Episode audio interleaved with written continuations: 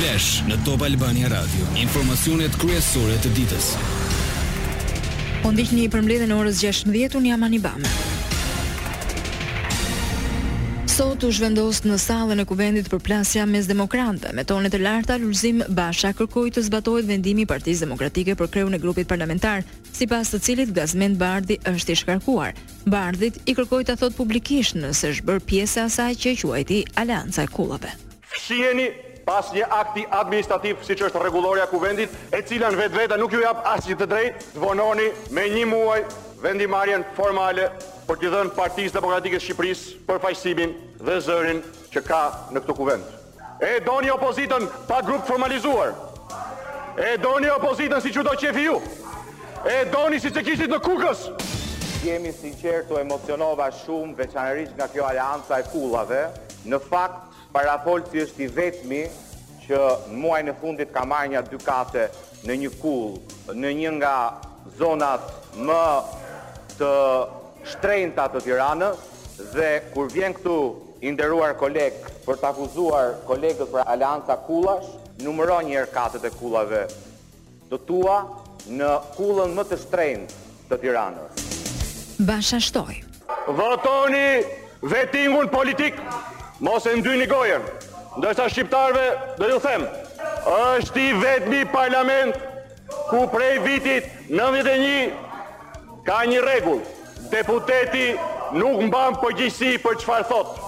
Sot ky rregull Është bërë shkak që të hapet goja sa ra pipisët, siç u hap sot. Për debatet ndërhyri kryeparlamentarja Lindita Nikolla. Kam thënë që i jam drejtuar shërbimeve juridike, do t'i drejtohem po qe nevoja edhe Këshillit për Rregulloren dhe Mandatet për bërë interpretimin e kësaj situate të paprecedentë në historikun e parlamentarizmit shqiptar. Lidhur me debatet, ministrja e Shtetit për Marrëdhëniet me Parlamentin Elisa Spiropali deklaroi. Merren me njëri-tjetrin kush është armik, kush është tradhtar dhe Sali, doktor, mund t'i shkojë shumë për shtat ajo thënia e famshme në film, Memecit i erdhi goja, po në këtë rast do ishte zotit Lulzim i erdhi goja në kuvend, i erdhi hidhur. Sepse nuk mundet që këtu në këtë foltore të merret me kryetarin e Kuvendit, me Kuvendin e Shqipërisë, me rregullat dhe me Kushtetutën kur hallin nuk e ka as te Kushtetuta, as te Kuvendi, po e ka te shpia. Lulzim Basha sërish iu përgjigj akuzave të Gazmend Bardhit. Është një shpifje e pastër e shkollës berishiste. Vjen nga një njeri i cili dje sulmonte babin e Zenit dhe sot është bërë avokati i babit të Zenit dhe i kullave gjashtëdhjetë e katër katëshe. Familjarët e mi çdo transaksion e kanë të deklaruar, paguajnë cent më cent taksat, e kanë transparent, ndryshe nga aleanca e kullave dhe avokati i tyre më i ri Gaz Bardhi. Nga Granada e Spanjës, ku merr pjesë në takimin e Komunitetit Politik Europian, kryeministri Rama shprehu shqetësimin për situatën në Kosovë, sidomos pas zhvillimeve të fundit në Banjskë. Sipas shefit të qeverisë, luftë është fjalë e madhe, por para se të jetë tepër vonë, masa duhen marrë. Duke vënë në dukje se po e ndjekin situatën, kryeministri Rama tha se është gjë e mirë që NATO ka shtuar prezencën në veri të Kosovës, se siç theksoi, kufiri atje është shumë poroz. Komuniteti Politik Evropian është një platformë për koordinimin politik, krijuar mbi bazën e propozimit të presidentit francez Emmanuel Macron, kjo synon nxitjen e dialogut dhe bashkëpunimit për çështje me interes të përbashkët.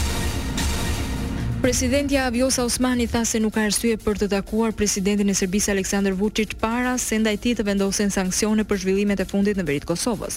Më njëzet e katër shtator, policia u sulmua në Banjskë të Zveçanit nga një grup i armatosur serb dhe u vra rreshteri Afrim Bunjaku, Osmani foli pak para nisjes së një mbledhje në Granadë të Spanjës në kuadër të Komunitetit Politik Evropian. Edhe presidenti ukrainas Volodymyr Zelensky ndodhet në Spanjë teksa po rrit përpjekjet për të siguruar më shumë ndihmë ushtarake për Ukrainën ndërsa përballet me pushtimin rus. Lufta e Rusisë vijon prej muajit shkurt të vitit të kaluar, por mbështetja ndaj Kievit ka nisur të zbehet në disa shtete. Lajmet në internet në adresën www.topalbaniaradio.com. Ngjarje e rëndë në Tiranë, një fëmijë vetëm tre vjeç humbi jetën pasi iu nënshtrua mjekimit të dhëmbëve në një dentist për të cilin u referuan materialet në Prokurorinë e Kryeqytetit për veprën penale Mjekim i pakujdesshëm. Babai i të miturit bëri kallëzim pasi fëmija shfaqi komplikacione të menjëhershme kur doli nga klinika private dhe pas tre ditësh ndërroi jetë në spital.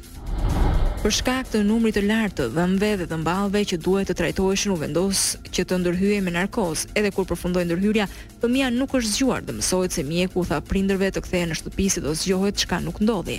Të alarmuar, prindërit telefonuan klinikën dhe sipas tyre nuk iu hap telefoni. Më pas e dërguan fëmijën në pediatri ku qëndroi në gjendje kome para se të ndërronte jetë. Një 46 vjeçar u shpall në kërkim për kultivim kanabisi në Vorë. Bashkëshortja e tij u vu nën hetim, ndërsa një faturist i OSSH-së ra në pranga për shpërdorim detyre. Pas kontrollit në një magazinë u evidentua një ambient i përshtatur për kultivim kanabisi me pajisje që furnizoheshin me lidhje të paligjshme të energjisë. U sekuestruan mbi 1000 bimë narkotike dhe 907 fidanë. Sekuestrohen njëzet e gjashtë kilogramë kanabis në Durrës, bima ishte e ndarë në pesë thasë. Në flagrancë u arrestua një dyzet e dy vjeçar nga Fushë-Kruja. Në fshatin Ishëm, policia finalizoi operacionin e koduar Sinjalizimi pas informacioneve se një shtetas po transportonte kanabis. Sasia u kap në bagazhin e makinës së tij, tip Benz që drejtonte. Lajme nga bota. Në Shtetet e Bashkuara, mbi shtatëdhjetë e pesë mijë punonjës të rrjetit të kujdesit shëndetësor, Kaiser Permanente sot filluan një grevë treditore, kjo pas negociatave për kontratën, pasi negociatat për kontratën e punës ngecën gjatë natës. Nga ata që janë në grevë, një ankesë kryesore është se mungesa e personelit po mbingarkon punonjësit dhe po vonon kujdesin etik shëndetësor. Administrata e Presidentit amerikan Joe Biden do të ndërtojë një pjesë të murit në jug të Teksasit në kohën kur janë duke u rritur përpjekjet për të bllokuar shtimin e numrit të migrantëve që synojnë Shtetet e Bashkuara të Amerikës. Muri rreth 32 kilometra do të ndërtohet në qarkun Starr, përgjatë kufirit me Amerikën, me Meksikën dhe ku zyrtarët janë duke raportuar për numër të madh të kalimeve kufitare të paligjshme. Art dhe kulturë. Shkrimtari norvegjez Jon Fosse fitoi çmimin Nobel në letërsi. Në dhënien e motivacionit, Akademia Suedeze theksoi, Fosse fitoi çmimin për dramat dhe prozën e tij novatore që u japin zë të pathënave. Shkrimtar, poet dhe dramaturg, Jon Fosse u lind në Haugesund në vitin 1959. Intelektuali i shumanshëm bëri debutimin më 1983-shin me romanin E kuqe e zezë dhe më pas eksperimentoi me narrativën e shkurtër, poezinë dhe letërsinë për fëmijë. Sport. Shkarkohet Orges Shehi pas rezultateve të fundit dhe mosmarrëveshjeve me drejtuesit e klubit sot mësoi shkarkimin. Kjo situatë solli dhe anulimin e seancës stërvitore. Shehi mori drejtimin e klubit më 27 janar 2021, Në njëqind e njëzet ndeshje në krye të bardhebluve numëron gjashtëdhjetë e gjashtë fitore, njëzet e katër barazime dhe tridhjetë humbje.